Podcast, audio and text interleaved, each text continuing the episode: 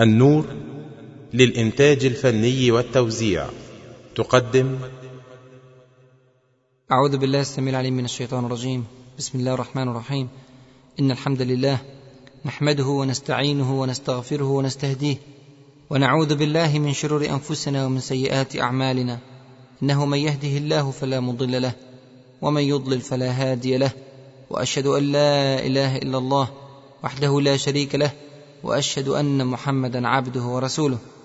اللهم إنا نسألك موجبات رحمتك وعزائم مغفرتك والسلامة من كل إثم والغنيمة من كل بر والفوز بالجنة والنجاة من النار. اللهم احفظنا بالإسلام قائمين واحفظنا بالإسلام قاعدين واحفظنا بالإسلام راقدين ولا تشمت بنا اعداء ولا حاسدين. اللهم إنا نسألك من كل خير خزائنه بيدك ونعوذ بك من كل شر خزائنه بيدك. وصل اللهم وبارك على سيدنا محمد وعلى آله وصحبه وسلم. والحمد لله رب العالمين. ثم أما بعد فمع الدرس التاسع من دروس الصديق رضي الله عنه وأرضاه. إحنا اتكلمنا في الدرس اللي فات عن اختيار الصديق رضي الله عنه وأرضاه ليكون خليفة للمسلمين. ذكرنا في الدرس السابق ما تم من بيعة الصحابة جميعا بغير استثناء بايع المهاجرون وبايع الأنصار وبايع أيضا علي بن أبي طالب في اليوم الثاني وبايع الزبير بن العوام أيضا في اليوم الثاني وبايع سعد بن عبادة بعد عدة أيام. وهكذا أجمع المسلمون اجماعا لا شبيه له في تاريخ أمة من الأمم على رجل واحد أجمعوا على الصديق رضي الله عنه وأرضاه. وذكرنا في الدرس السابق أنه مما يرفع قدر الصديق إلى أعلى الدرجات أنه كان يقارن بمجموعة من العمالقة الأفذاذ. يقارن بجيل السابقين السابقين. ومع ذلك فمن الواضح أن الصحابة جميعا كانوا مهيئين نفسيا لقبول أبي بكر زعيما عليهم. واضح إنه حتى في زمان الرسول صلى الله عليه وسلم لما كان الرسول صلى الله عليه وسلم عايش كان الصديق بارزا في المكانة وسابقا في الفضل. وأن الناس جميعا كانوا يضعونه في مكان مختلف عن بقية الصحابة. ولذلك سهل عليهم ترشيحه وانتخابه ومبايعته بهذه الصورة غير المتكررة. تعالوا كده نشوف تعليقات الصحابة على هذه الشخصية الفريدة في التاريخ الإسلامي.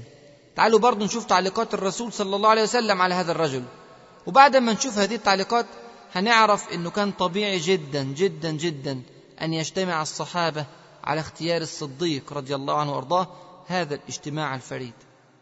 روى البخاري عن ابن عمر رضي الله عنهما قال كنا نخير بين الناس في زمان رسول الله صلى الله عليه وسلم فنخير أبا بكر ثم عمر بن الخطاب ثم عثمان بن عفان رضي الله عنهم أجمعين.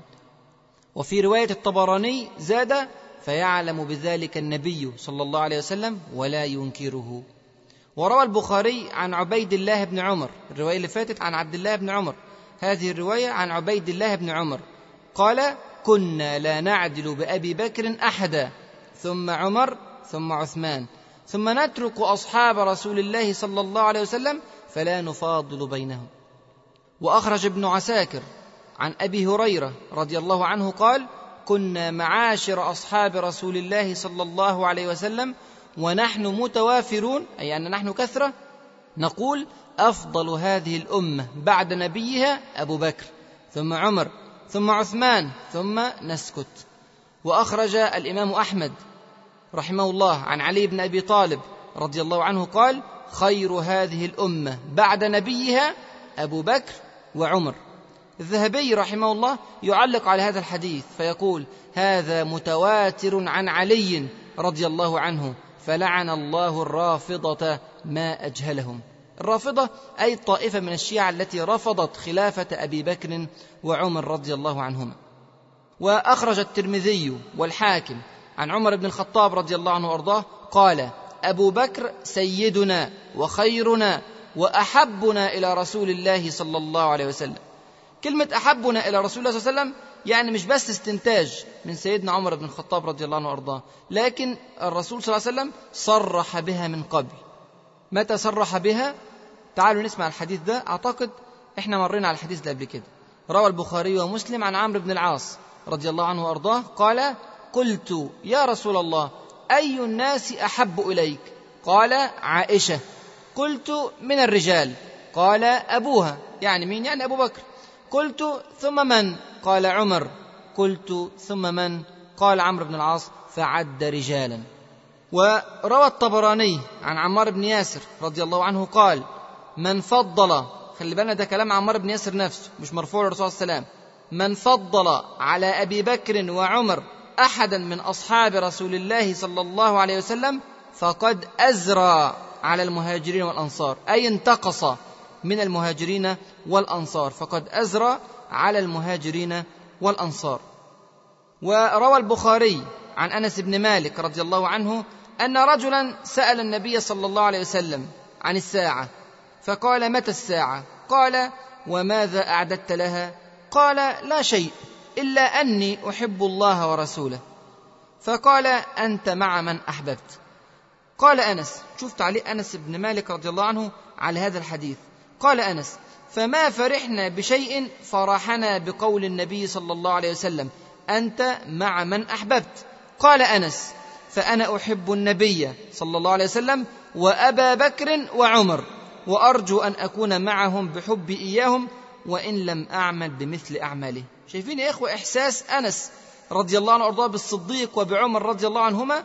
هذا كان إحساس كل الصحابة رضي الله عنهم أجمعين. وأخرج الترمذي والحاكم وابن ماجه عن ابن عمر رضي الله عنهما أن رسول الله صلى الله عليه وسلم خرج ذات يوم فدخل المسجد وأبو بكر وعمر أحدهما عن يمينه والآخر عن شماله وهو آخذ بأيديهما وقال هكذا نبعث يوم القيامة. أخرج نفس الحديث الطبراني عن أبي هريرة رضي الله عنه. وأخرج الترمذي والحاكم عن ابن عمر رضي الله عنهما قال قال رسول الله صلى الله عليه وسلم أنا أول من تنشق عنه الأرض ثم أبو بكر ثم عمر. وأخرج الترمذي والحاكم وصححه عن عبد الله بن حنطب رضي الله عنه أن النبي صلى الله عليه وسلم رأى أبا بكر وعمر فقال هذان السمع والبصر. حديث يا إخوة جاء من روايات كثيرة. الطبراني رواه من حديث ابن عمر وحديث ابن عمرو وعن ابن عباس وعن جابر وعن غيرهم. وأخرج الترمذي وقال حسن صحيح عن ابن عمر رضي الله عنهما أن رسول الله صلى الله عليه وسلم قال لأبي بكر أنت صاحبي على الحوض أي على الكوثر وصاحبي في الغار. طبعا الصحبة في الغار فضيلة ولا شك للصديق رضي الله عنه وأرضاه. هذه يا إخوة مجموعة من الأحاديث التي تثبت فضل الصديق رضي الله عنه وأرضاه على باقي الصحابة. والله يا إخوة هي ليست كل ما ورد في حق الصديق رضي الله عنه. أعرضت عن مجموعة ضخمة من الأحاديث إما لتكرارها وإما لضعف في السند. هذه الكثرة في الأدلة جعلت علماء أهل السنة يتفقون على أفضلية الصديق رضي الله عنه وأرضاه ويتفقون على تقديمه على كل الصحابة رضي الله عنهم أجمعين. هذه الدرجة العالية من الفضل ومن الإيمان. جعلت رسول الله صلى الله عليه وسلم يطمئن إلى إيمان الصديق وإلى تصديق الصديق حتى في غيابه. يعني لو الصديق مش موجود برضو الرسول صلى الله عليه وسلم عارف هو هيختار إيه. هذه يا إخوة درجة عالية جدا في الفضل. بمعنى أنه إذا ذكر رسول الله صلى الله عليه وسلم امرا عجيبا غريبا قد يشك فيه بعض الناس فإن رسول الله صلى الله عليه وسلم يطمئن ويضمن أن يصدقه الصديق حتى قبل أن يعرف موقف الصديق. تعالوا كده نشوف الحديث اللي رواه البخاري ومسلم رحمهم الله عن أبي هريرة رضي الله عنه وأرضاه. قال صلى رسول الله صلى الله عليه وسلم الصبح ثم أقبل على الناس فقال بيحكي حكاية بيقول إيه؟ صلى الله عليه وسلم بين رجل يسوق بقرة إذ ركبها فضربها فقالت أي البقرة؟ بقرة تتكلم فقالت إنا لم نخلق لهذا إنما خلقنا للحرث فقال الناس الناس اللي حاضره وبتسمع لكلام رسول الله صلى الله عليه وسلم فقال الناس سبحان الله بقرة تتكلم؟ فقال صلى الله عليه وسلم فإني أؤمن بهذا أنا وأبو بكر وعمر وما هما ثم. يعني ما كانوش موجودين في هذا اللقاء الذي يتحدث فيه الرسول صلى الله عليه وسلم. ثم يكمل صلى الله عليه وسلم الحكاية ويقول وبينما رجل في غنمه إذ عدا الذئب فذهب منها بشاة فطلب. يعني الذئب خطف شاه وجري فالرجل طلب الذئب حتى يأخذ شاته حتى كأنه استنقذها منه يعني قدر يأخذها منه. فقال له الذئب هذه استنقذتها مني فمن لها يوم السبع؟ يوم لا راعي لها غيري. يعني برضو إيه؟ الذئب تكلم في هذه الرواية. فقال الناس سبحان الله ذئب يتكلم. قال صلى الله عليه وسلم فإني أؤمن بهذا أنا وأبو بكر وعمر. يقول أبو هريرة وما هما ثم. يعني دايما حتى تلاقي تاخد بالك من ملحوظة إن معظم الأحاديث التي يأتي فيها أبو بكر وعمر أو كل الأحاديث التي يأتي فيها أبو بكر وعمر يقدم أبا بكر على عمر رضي الله عنهما وأرضاهما. فمعنى ذلك أن سيدنا أبو بكر الصديق رضي الله عنه وأرضاه مقدم دائما على عمر رضي الله عنه. اذا ليس من عجب أن يختار المؤمنون أبا بكر الصديق رضي الله عنه وأرضاه للخلافة بعد رسول الله صلى الله عليه وسلم. فالأحاديث السابقة وغيرها تشير إلى أن الصحابة جميعا كانوا يعتبرونه أفضلهم وأقربهم إلى رسول الله صلى الله عليه وسلم وأعلاهم منزلة في الدنيا وفي الآخرة. هذا كله يا إخوة سهل عليهم اختياره خليفة للمسلمين. بل سبحان الله هذا الأمر في التقديم على غيره من الصحابة لم يكن خافيا حتى على المشركين. كان المشركون يعلمون أن أبا بكر الصديق رضي الله عنه وأرضاه هو الوزير الأول لرسول الله صلى الله عليه وسلم وأكثر الصحابة قربا له. إحنا شفنا في الهجرة لما اكتشف المشركون خروج الرسول صلى الله عليه وسلم من بيته وبعد ما كانوا بيحاصروا البيت بتاع الرسول صلى الله عليه وسلم أول حاجة فعلوها إيه؟ ذهبوا إلى بيت الصديق رضي الله عنه وأرضاه. هم يعلمون أنه الصاحب الأول لرسول الله صلى الله عليه وسلم ولا بد أن الصديق يعرف مكان رسول الله صلى الله عليه وسلم. وصدق ظنهم فلم يجدوه هناك. فضرب أبو جهل السيدة أسماء رضي الله عنها وأرضاها على وجهها حتى أطار قرطة. إحنا حكينا الحكاية قبل كده والشاهد منها إن المشركين كانوا يعلمون أن أبا بكر الصديق الرجل الثاني في دولة الإسلام. وفي يوم أحد لما هزم المسلمون وانسحبوا إلى الجبل جاء أبو سفيان ليتأكد من موت زعماء المسلمين. الزعيم الأول هو بلا شك كان رسول الله صلى الله عليه وسلم. فقال أبو سفيان أفيكم محمد صلى الله عليه وسلم؟ فلم يجيبوه. الرسول صلى الله عليه وسلم أمرهم ألا يجيبوه. فلم يجبه الصحابة. فماذا قال أبو سفيان؟ لقد قال مباشرة أفيكم ابن أبي قحافة فلم يجيبوه أيضا. إذا أبو سفيان كان يعلم أن القائد بعد رسول الله صلى الله عليه وسلم هو أبو بكر الصديق رضي الله عنه وأرضاه. فلما لم يجيبوه قال أفيكم عمر؟ سبحان الله شايفين الترتيب؟ قال أفيكم عمر؟ فلم يجيبوه أيضا لأن الرسول صلى الله عليه وسلم منعهم من الإجابة. هؤلاء هم الزعماء الثلاثة بالترتيب في نظر أبي سفيان المشرك آنذاك. عندها قال أبو سفيان أما هؤلاء فقد كفيتموهم. يعني هؤلاء الثلاثة ماتوا ما بيردوش. هنا لم يملك عمر رضي الله عنه وارضاه نفسه فقال يا عدو الله إن الذين ذكرتهم أحياء وقد أبقى الله ما يسوء ثم يعني كان بينهم حوار طويل ليس المجال الآن لشرحه. إذا الشاهد من هذه الأمور أن الناس أجمعين مؤمنهم وكافرهم كانوا يرون أن أبا بكر الصديق رضي الله عنه وأرضاه هو الرجل الثاني في هذه الدولة وهو الرجل المتوقع أن يخلف رسول الله صلى الله عليه وسلم إذا غاب الرسول أو مات. طبعا يا إخوة بفضل الله عموم المسلمين في مشارق الأرض ومغاربها الآن يؤمنون بصحة خلافة الصديق وراء رسول الله صلى الله عليه وسلم ويؤمنون أيضا بفضله ومكانته. لكننا ندلل على هذا الأمر لأن هناك طائفة من المستشرقين وطائفة من الشيعة وطائفة من العلمانيين يطعنون في خلافة الصديق رضي الله عنه وأرضاه ويطعنون في سرعة اختياره في سقيفة بني ساعدة. ذلك أنهم لا يقدرون للصديق قدره ولا يعرفون مكانته أو قل إنهم يعرفون وينكرون لأهداف خبيثة في نفوسهم. للأسف الشديد هذا التيار الرامي إلى الطعن في خلافة الصديق رضي الله عنه وأرضاه وإلى الطعن في نزاهة الصحابة الذين اختاروه هو تيار متصاعد في البلاد الإسلامية في ظل العلمانية المتصاعدة في كثير منها وفي ظل سيطرة كثير من العلمانيين على كراسي التعليم والتربية في كثير من جامعات ومدارس المسلمين وأيضا في ظل الهجمة الصليبية واليهودية الشرسة على دين الإسلام وعلى المسلمين.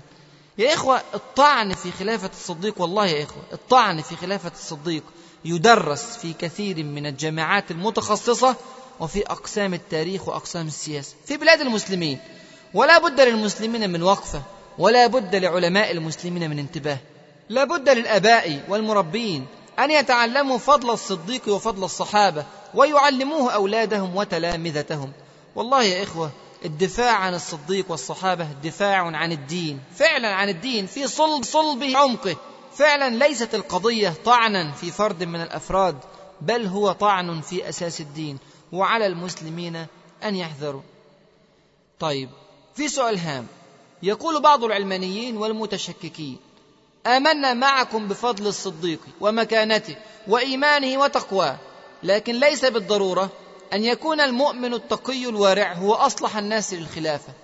رسول الله صلى الله عليه وسلم لم يعط الإمارة لأناس لا يشك أحد في تقواهم وورعهم لأنهم لا يصلحون للقيادة والإمارة. يعني مثلا لم يعط الإمارة لأبي ذر قال له إنك امرؤ ضعيف. في موقف ثاني ولا عمرو بن العاص رضي الله عنه وأرضاه على وجوه الصحابة بما فيهم أبو بكر وعمر. في سرية ذات السلاسل ليه ولا؟ لأنه أبصر بالحرب. يعني بيقولوا قد يكون هناك من هو أبصر بالخلافة من أبي بكر الصديق رضي الله عنه وأرضاه. ونحن وإن كنا نعلم أن هذا الطرح من المتشككين طرح جدلي. ليه؟ لأن الأيام أثبتت بعد ذلك كفاءة الصديق كخليفة وكقائد. الأحداث أثبتت تفوقه على غيره في كل الأمور. إلا أننا نسير معهم فيما قالوه ونقارع كما يقولون الحجة بالحجة والبرهان بالبرهان. نقول لهم ما هي شروط الخليفة في الإسلام؟ الشرط الأول يتفق فيه كل الصحابة وهو الإسلام.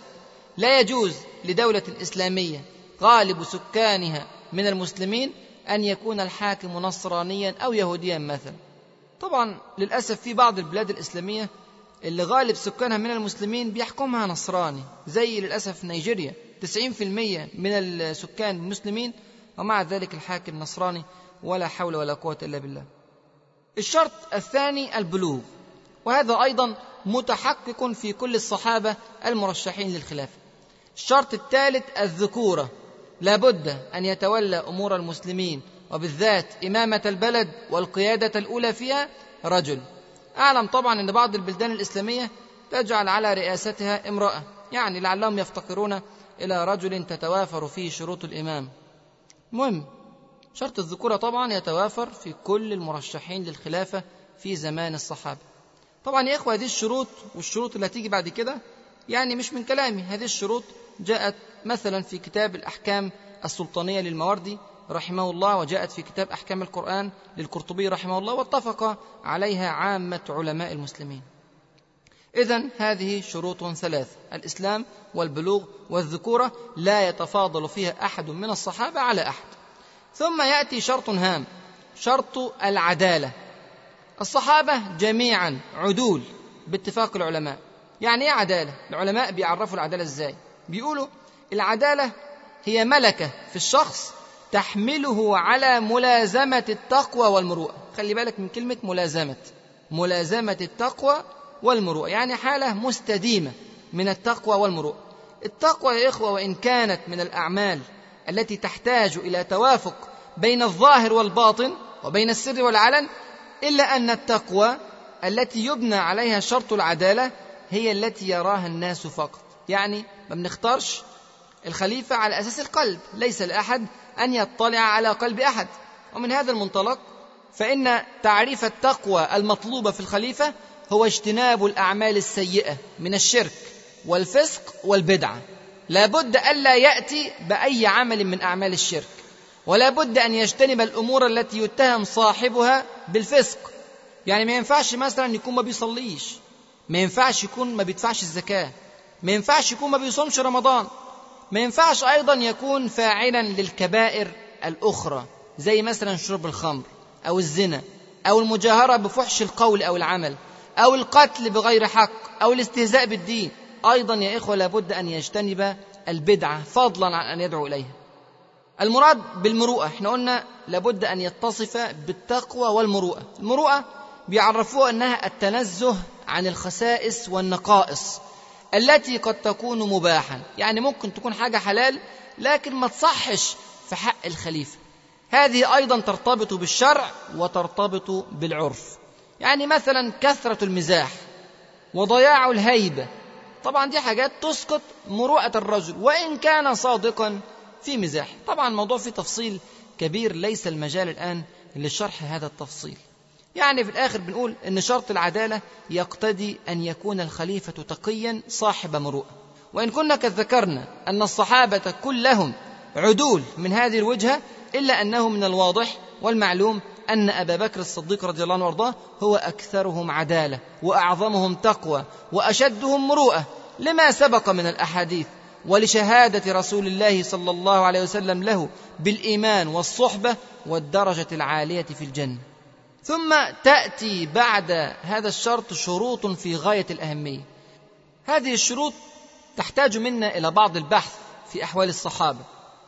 لنرى من هو أصلح الناس على ضوء هذه الشروط لتولي الخلافة الشروط المتبقية ثلاثة شرط الشجاعة والقوة والنجدة.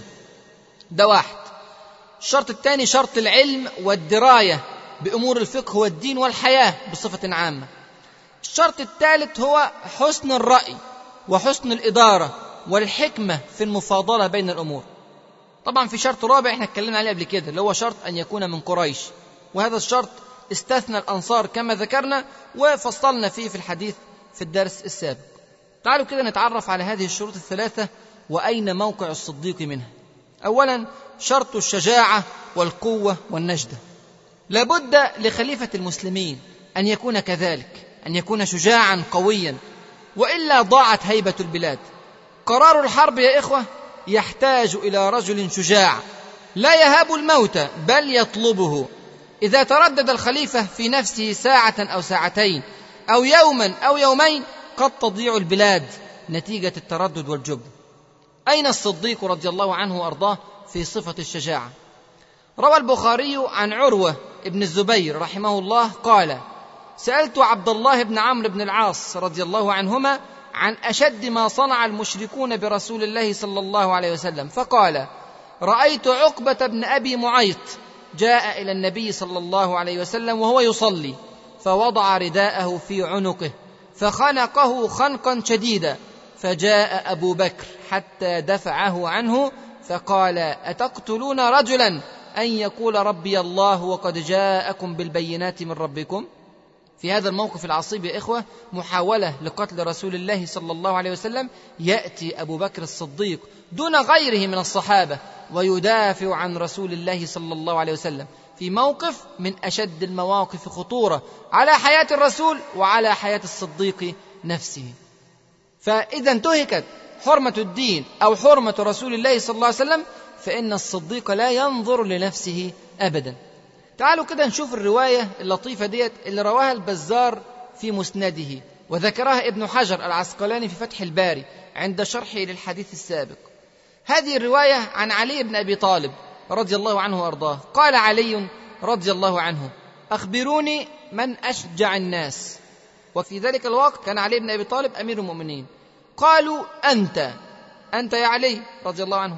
قال أما إني ما بارزت أحدا إلا انتصفت منه ولكن أخبروني بأشجع الناس.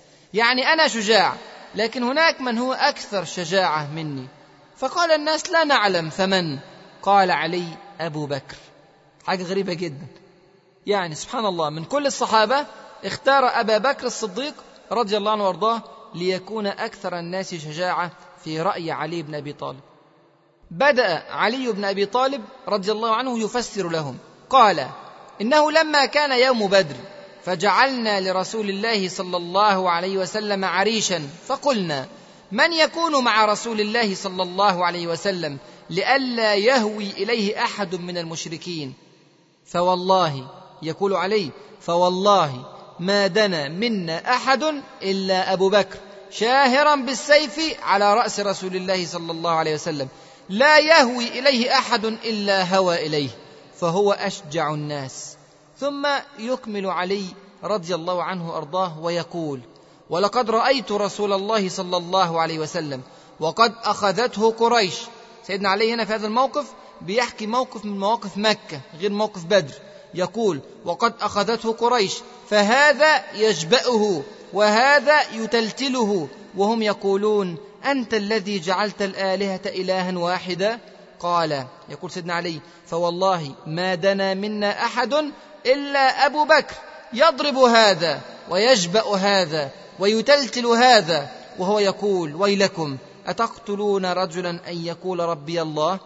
ثم خلي بالنا من الكلام ده سيدنا علي في نفس اللقاء يقول ثم رفع علي رضي الله عنه وأرضاه بردة كانت عليه فبكى حتى اخضلت لحيته ثم قال انشدكم الله أمؤمن آل فرعون خير أم أبو بكر؟ فسكت القوم. فقال ألا تجيبوني؟ فوالله خلي بالك من كلام سيدنا علي بن أبي طالب. فوالله لساعة من أبي بكر خير من ألف ساعة من مثل مؤمن آل فرعون. ليه الكلام ده؟ ذاك رجل يكتم إيمانه أي مؤمن آل فرعون. وقال رجل مؤمن من آل فرعون يكتم إيمانه. وهذا رجل أي الصديق أعلن إيمانه. ثبات الصديق رضي الله عنه وأرضاه مع رسول الله صلى الله عليه وسلم في كل المشاهد والغزوات معلوم أيضا بما في ذلك طبعا في أحد وحنين.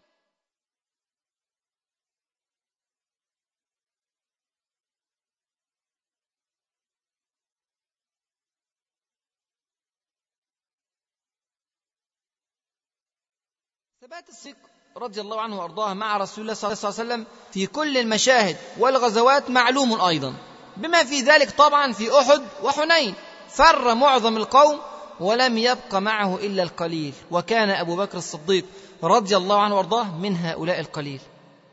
طيب على فكرة يا إخوة في حاجة في غاية الأهمية. شرط الشجاعة المقصود في الخليفة يقصد به الشجاعة في القلب. والتي تؤدي إلى قرار شجاع غير متردد. ليس بالضرورة أن يكون صاحب الرأي الشجاع هو أمهر الناس في القتال أو هو أقواهم جسدا. ولكن المراد أن يأخذ القرار الشجاع المناسب في الموقف حتى وإن كان على حساب حياته. لا يشترط في الخليفة طبعا أن يقاتل بنفسه حتى يشترط أن يكون أمهر الناس وأقواهم جسدا. وإن كان أبو بكر كان يقاتل بنفسه أحيانا رضي الله عنه وأرضاه وهو خليفة إذا تطلب الأمر ذلك. يعني هنشوف بعد كده في حروب الردة كيف خرج في حرب عبس وذبيان بنفسه لما غزوا المدينة المنورة. أبو بكر الصديق رضي الله عنه وأرضاه وإن كان رجلا نحيلا ضعيفا في بنيته إلا أنه كان أشجع الصحابة في قرار حروب الردة مثلا. وقرار فتح فارس والروم. نعم هناك من الصحابة من هو أقوى منه جسدا وهناك من هو أمهر منه حربا ورميا لكن هذا لا يشترط في الخليفة إنما يشترط في قائد الجيوش أو الممارس للقتال. لذلك ولى رسول الله صلى الله عليه وسلم عمرو بن العاص على أبي بكر في موقع ذات السلاسل لأنه في هذه الجزئية يتفوق عمرو بن العاص. لكن في شمول معنى القيادة للخلافة وللدولة لا شك أن الصديق فاق الجميع. أضرب لكم مثل يوضح هذا الأمر. إحنا أعتقد اتكلمنا فيه قبل كده في درس إنكار الذات. ذكرنا موقف الصديق وهو يدافع عن رسول الله صلى الله عليه وسلم حتى نال منه المشركون وتورم وجهه رضي الله عنه وأرضاه وكاد أن يموت. في هذا الموقف يا إخوة نجد أن الصديق دفعته شجاعته إلى الدفاع عن رسول الله صلى الله عليه وسلم. لكنه لم يكن له طاقة بالمشركين فضربوه. وهذا لا يطعن أبدا في شجاعته. بل على العكس الرجل الجسيم القوي الضخم قد يحتمي وراء جسده وقد يخفي في داخله قلبا ضعيفا يخشى الموت ويطلب الحياة. بينما الرجل النحيل الضعيف إذا أقدم على مهلكة واضحة كان هذا دليلا على شجاعته وبأسه واستهانته بالموت وطلبه للشهادة ويقينه بالأجل. وهذا كله مما يرجى في خليفة المسلمين. تعالوا كده نشوف موقف تاني من مواقف الشجاعة للصديق رضي الله عنه وأرضاه. روى ابن إسحاق في سيرته وابن كثير في تفسيره وغيرهم أن أبا بكر رضي الله عنه وأرضاه دخل بيت المدراس على يهود. بيت المدراس هو بيت يدرس فيه التوراة لليهود. وكان دخول أبي بكر هذا في أول العهد المدني يعني في زمن المعاهدة بين رسول الله صلى الله عليه وسلم وبين اليهود. ولم يكن الرسول صلى الله عليه وسلم ممكنا في المدينة بعد. وكان اليهود قوة لا يستهان بها في المدينة. سلاح ورجال وقلاع وأموال. وأبو بكر الآن يدخل على اليهود في عقر دارهم في بيت المدراس. وقد اجتمع عدد ضخم من اليهود هناك وأبو بكر بمفرده. خلي بالك من الموقف. دخل أبو بكر رضي الله عنه وارضاه فوجد منهم ناسا قد اجتمعوا إلى رجل منهم يقال له فنحاص وكان من علمائهم وأحبارهم. فقال أبو بكر لفنحاص فنحاص قاعد يعلم الناس التوراة. فقال أبو بكر لفنحاص ويحك اتق الله وأسلم. فوالله إنك تعلم أن محمدا لرسول الله صلى الله عليه وسلم.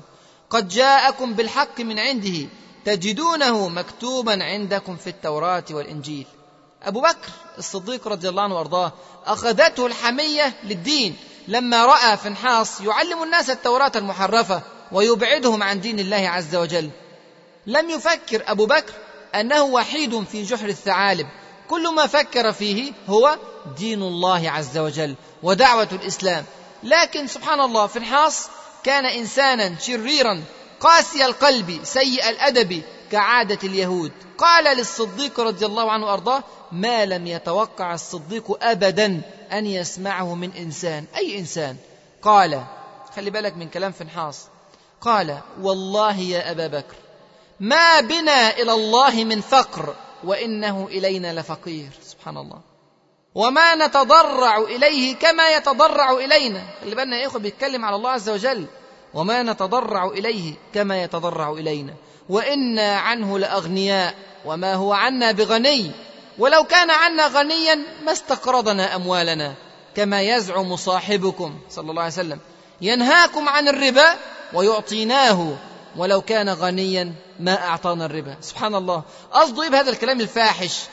يقصد به قول الله عز وجل من ذا الذي يقرض الله قرضا حسنا فيضاعفه له أضعافا كثيرة. يعني في الحاص بيقول إن الله عز وجل يستقرضنا وسيعطينا مكانه أضعافا كثيرة. فكأن هذا ربا. وهو قد نهى عن الربا. فكيف يعطيه؟ سبحان الله. أمر عجيب. وعقول مختلة. وقلوب ميتة. المهم هذا ما قاله فنحاص في هذا الفحش العجيب. فماذا كان رد فعل الصديق رضي الله عنه وأرضاه؟ وهو يقف وحيدا أمام جموع اليهود وفي بيتهم بيت المدراس. ها هو دين الله عز وجل ينتقص أمام وجهه وهو قد جعل لنفسه قانونا لا ينساه. أينقص الدين وأنا حي؟ هكذا كان يردد رضي الله عنه وأرضاه. فماذا رد عليه الصديق؟ الصديق يا إخوة لم يرد بلسانه. الصديق فاجأنا وفاجأ فنحاص وفاجأ اليهود بغضب شديد عظيم. لم يشعر بنفسه إلا وهو يرفع يده فيضرب فنحاص في وجهه ضربا شديدا. ليست ضربة واحدة ولكن ضربات متتالية حتى سالت الدماء من وجه فنحاص وتورم وجهه. وقال الصديق رضي الله عنه وأرضاه والذي نفسي بيده لولا العهد الذي بيننا وبينك لضربت رأسك أي عدو الله. طبعا يا إخوة اليهود مع كونهم كثرة إلا أنهم إن رأوا ثباتا من الذين أمامهم دبت في قلوبهم الرهبة وتملكهم الرعب والهلع. اليهود لم يستطيعوا فعل شيء. ما تحرك منهم رجل واحد لكن ذهب فنحاص إلى رسول الله صلى الله عليه وسلم فقال يا محمد انظر ما صنع بي صاحبك. قال رسول الله صلى الله عليه وسلم لأبي بكر ما حملك على ما صنعت؟ طبعا الراجل جاي متبهدل الدم مغرقه في كل حتة فقال ما حملك على ما صنعت؟ فقال أبو بكر يا رسول الله إن عدو الله قال قولا عظيما إنه يزعم أن الله فقير وأنهم أغنياء. فلما قال ذلك غضبت لله مما قال وضربت وجهه. إيه رد فعل فنحاص جحد ذلك فنحاص وقال والله يا محمد ما قلت ذلك وأقسم بالأيمان المغلظة. فأنزل الله تعالى فيما قال فنحاص ردا عليه وتصديقا لأبي بكر لقد سمع الله قول الذين قالوا إن الله فقير ونحن أغنياء سنكتب ما قالوا وقتلهم الأنبياء بغير حق ونقول ذوقوا عذاب الحريق. ونزل أيضا في أبي بكر الصديق رضي الله عنه وأرضاه وفيما بلغه في ذلك من الغضب قول الله عز وجل لتبلون في أموالكم وأنفسكم ولتسمعن من الذين أوتوا الكتاب من قبلكم ومن الذين أشركوا أذى كثيرا شوف بقى التعليق وإن تصبروا وتتقوا فإن ذلك من عزم الأمور يعني إشارة لأبي بكر الصديق إن هذا ليس هو وقت المواجهة مع اليهود بل وقت الصبر وسيأتي وقت للمواجهة بعد ذلك. المهم الشاهد من القصة هو أن الصديق رضي الله عنه وأرضاه لا يخاف في الله لومة لائم شجاع مقدام لا يتردد عن جهاد ولا يفر في لقاء لا يتحمل أن ينتهك دين الله عز وجل ولا يتحرك. هذه هي الشجاعة المرجوة في خليفة وهذا هو الإقدام المطلوب في قائد الأمة. يبقى ده كان بالنسبة لشرط الشجاعة. طيب بالنسبة لشرط العلم كيف كان حال الصديق؟ الصديق رضي الله عنه وأرضاه كان أعلم الصحابة. فعلا يا إخوة كان أعلم الصحابة رضي الله عنه وأرضاه. روى البخاري ومسلم عن أبي سعيد الخدري رضي الله عنه قال خطب رسول الله صلى الله عليه وسلم الناس وقال إن الله تبارك وتعالى خير عبدا. الرسول صلى الله عليه وسلم بيقول إن الله تبارك وتعالى خير عبدا. أي عبد؟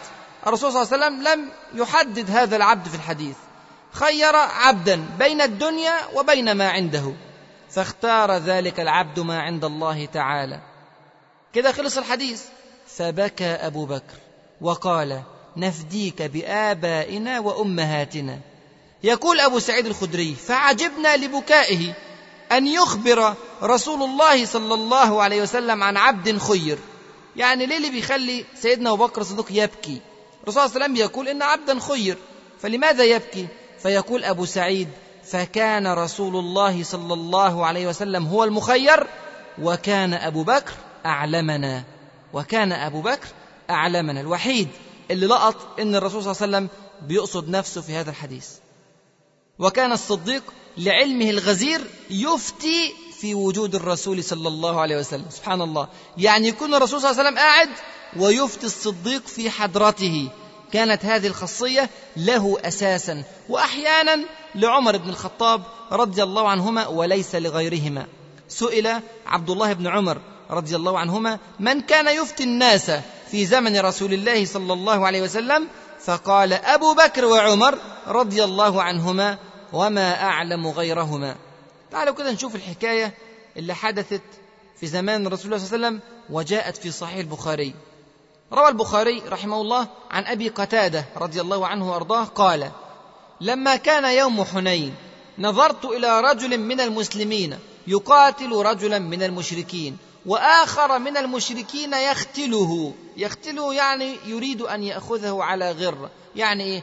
يعني في واحد من المسلمين بيتقاتل مع رجل آخر من المشركين. في مشرك تاني جاي يتسحب من ورا المسلم علشان يقتله غيلة. فأسرعت إلى الذي يختله فرفع يده ليضربني وأضرب يده فقطعتها. ثم يكمل أبو قتادة الموقف فيقول ثم أخذني أي هذا الرجل المشرك الذي قطعت يده ثم أخذني فضمني ضما شديدا حتى تخوفت. يبدو إنه كان رجل يعني شديد وقوي فضمني ضما شديدا حتى تخوفت خفت على نفسي موت ثم ترك فتحلل ودفعته ثم قتلته. وانهزم المسلمون. سبحان الله. وانهزم المسلمون وانهزمت معهم. طبعا ده كان في أول يوم حنين زي ما أنتم عارفين. فإذا بعمر بن الخطاب في الناس رضي الله عنه فقلت له أبو قتادة يحكي فقلت له ما شأن الناس؟ إيه اللي حصل؟ بيهربوا ليه؟ قال أمر الله. ثم تراجع الناس إلى رسول الله صلى الله عليه وسلم. يعني الناس رجعت تاني من الفرار إلى رسول الله صلى الله عليه وسلم ثم انتصروا. يعني انتصر المسلمون وهزم المشركون. ثم يقول وبعد الموقعة قال رسول الله صلى الله عليه وسلم من أقام بينة على قتيل قتله فله سلبه. يعني الذي يأتي بدليل شاهد مثلا على أنه قتل قتيلا يأخذ هذا إيه؟ هذا السلب بتاع القتيل. فقمت لألتمس بينة قتيلي فلم ارى أحدا يشهد لي. فجلست يعني ما تكلمتش. ثم بدا لي قلت طب إيه المانع إن نتكلم؟ ثم بدا لي فذكرت أمره لرسول الله صلى الله عليه وسلم. أنا معيش دليل. فذكرت أمره لرسول الله صلى الله عليه وسلم. فقال رجل من جلسائه صدق. يعني أنا شاهد على هذا الأمر. صدق. وسلبه عندي فأرضه مني. يعني في رجل آخر من المسلمين اعترف إن السلب معه لكنه يريد أن يأخذه أو يرضيه أبو قتادة بشيء. يعني حق السلب ده مرجعه لك تدفع لي أي شيء. هنا قام الصديق رضي الله عنه وأرضاه. طبعا ما حدش طلب منه الكلام لكنه قام الكلام ده كله قدام الرسول صلى الله عليه وسلم. هنا قام الصديق رضي الله عنه وأرضاه وقال في حمية كلا لا يعطيه أصيبغ من قريش أصيبغ يعني طائر ضعيف. أصيبغ من قريش يأخذ هذا السلب ويدع أسدا من أسد الله يقاتل عن الله ورسوله صلى الله عليه وسلم. يعني يستنكر الصديق رضي الله عنه وأرضاه أن يأخذ الرجل من السلب شيئا وإن كان معه ولكن يعطى لأبي قتادة كاملا. فقال النبي صلى الله عليه وسلم صدق فأعطه. فصدق بذلك رسول الله صلى الله عليه وسلم على فتوى الصديق رضي الله عنه وأرضاه وهو في حضرته. قال ابن تيمية رحمه الله في الفتاوى إن أهل السنة اتفقوا على أن أبا بكر أعلم الأمة وحكى الإجماع على ذلك غير واحد. طيب ليه هذا العلم الغزير عند الصديق رضي الله عنه وأرضاه؟ لعل سبب هذا العلم الغزير وتفوقه على الصحابة ملازمته للنبي صلى الله عليه وسلم أكثر من غيره. فقد كان أدوم اجتماعا به ليلا ونهارا وسفرا وحضرا. وما أكثر الأحاديث التي ذكر فيها أن رسول الله صلى الله عليه وسلم خرج وأبو بكر أو دخل وأبو بكر أو جلس وأبو بكر وهكذا. وبعدين في أدلة تانية كتير على علم الصديق رضي الله عنه وأرضاه. استعمله رسول الله صلى الله عليه وسلم على الحج. والحج يحتاج إلى علم غزير واستعمله على الصلاة لكونه أعلم الناس.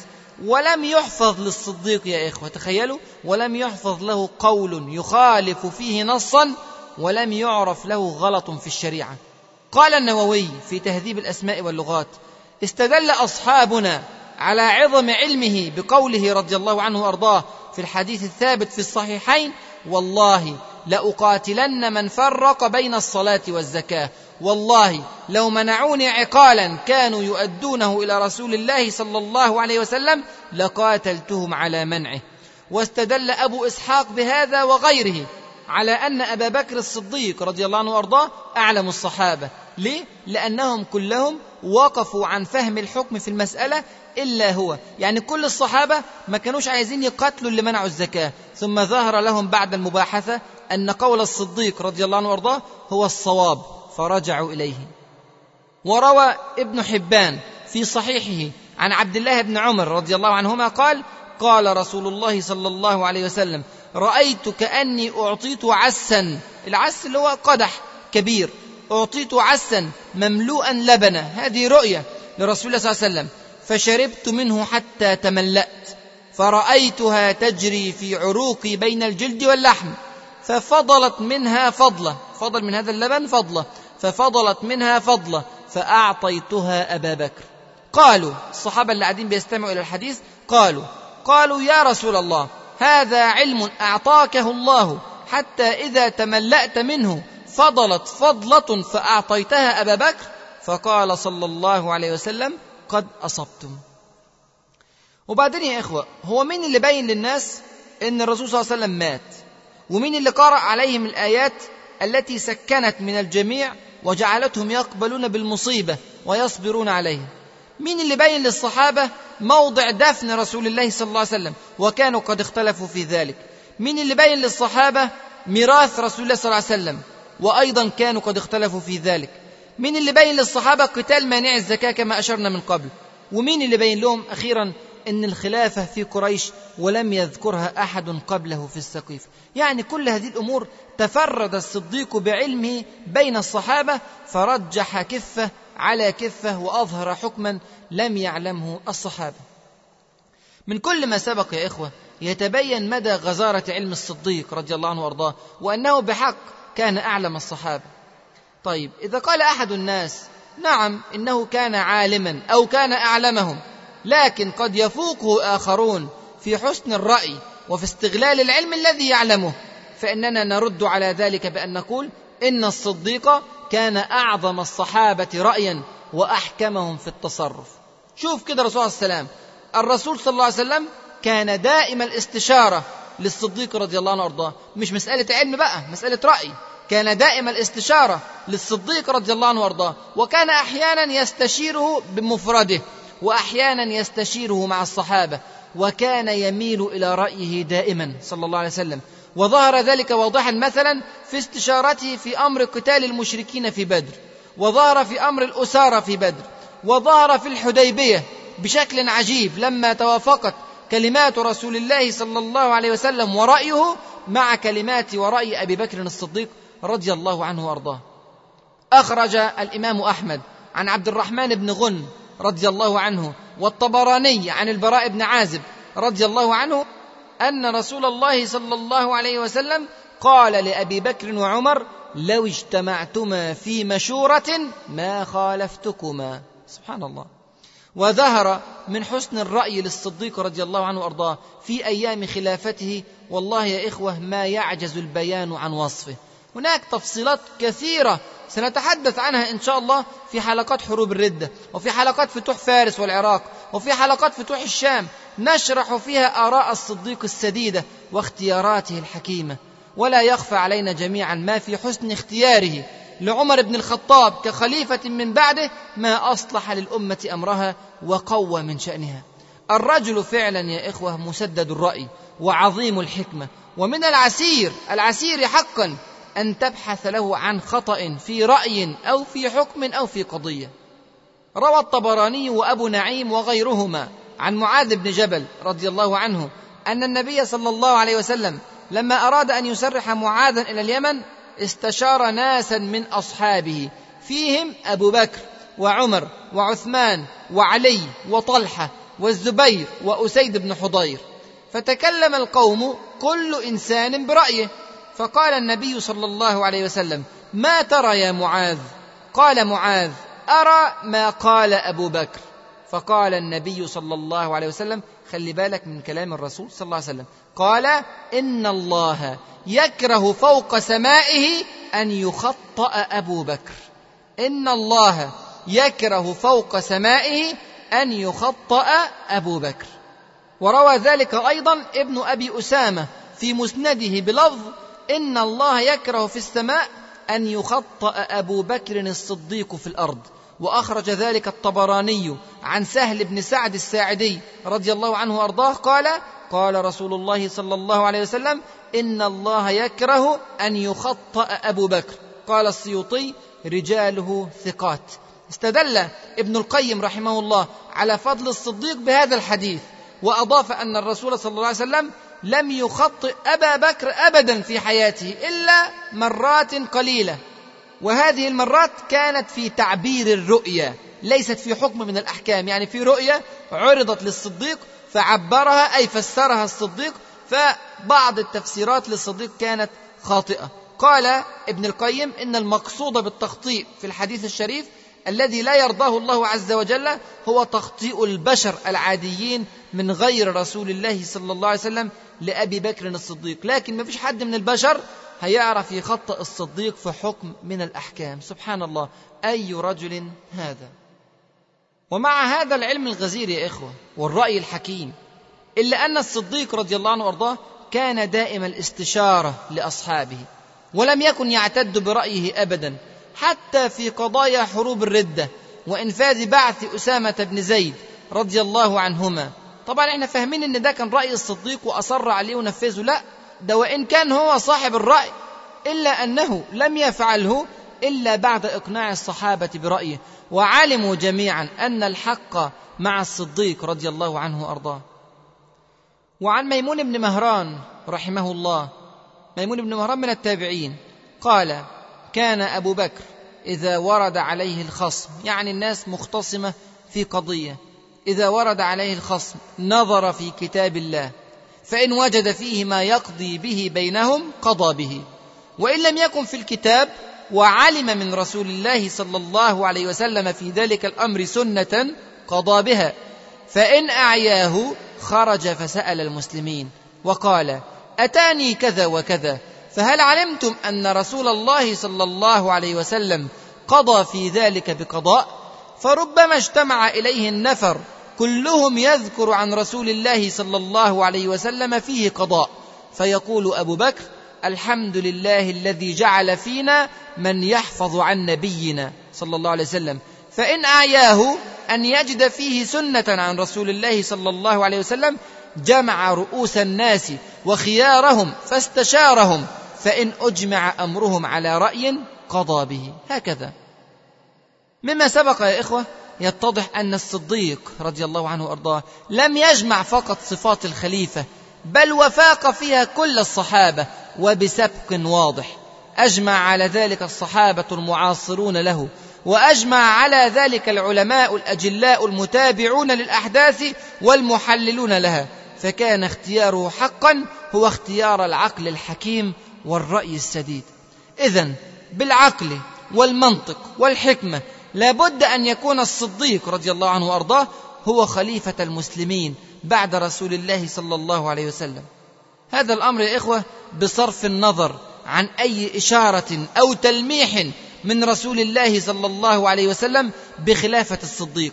فما بالكم إن كان الرسول صلى الله عليه وسلم قد أشار في أحاديث عدة وفي مواقف مختلفة إلى رغبته في أن يخلفه الصديق رضي الله عنه وأرضاه. هذا ولا شك إن كان حدث يزيد من موقف الصديق قوة ويؤيد الرأي الحكيم الذي اجتمع عليه صلحاء الأمة وحكماؤها من الصحابة الكرام. هذا يا إخوة طبعا حديث قد يطول سنتحدث عنه إن شاء الله في الدرس القادم ونتحدث أيضا عن آراء العلماء في ذلك وكيف استنبطوا في بلاغة عجيبة خلافة الصديق من بعض آيات القرآن الكريم. ثم لماذا لم يصرح رسول الله صلى الله عليه وسلم بخلافة الصديق رضي الله عنه وأرضاه بدلا من التلميح والإشارة؟ وهل هناك شبهات حول هذا الأمر وما هو الرد عليها؟ هذا ما نتداوله وغيره إن شاء الله في الدرس القادم فستذكرون ما أقول لكم. وأفوض أمري إلى الله. إن الله بصير بالعباد. أقول قولي هذا وأستغفر الله لي ولكم وجزاكم الله خيرا كثيرا. مع تحيات النور للإنتاج الفني والتوزيع.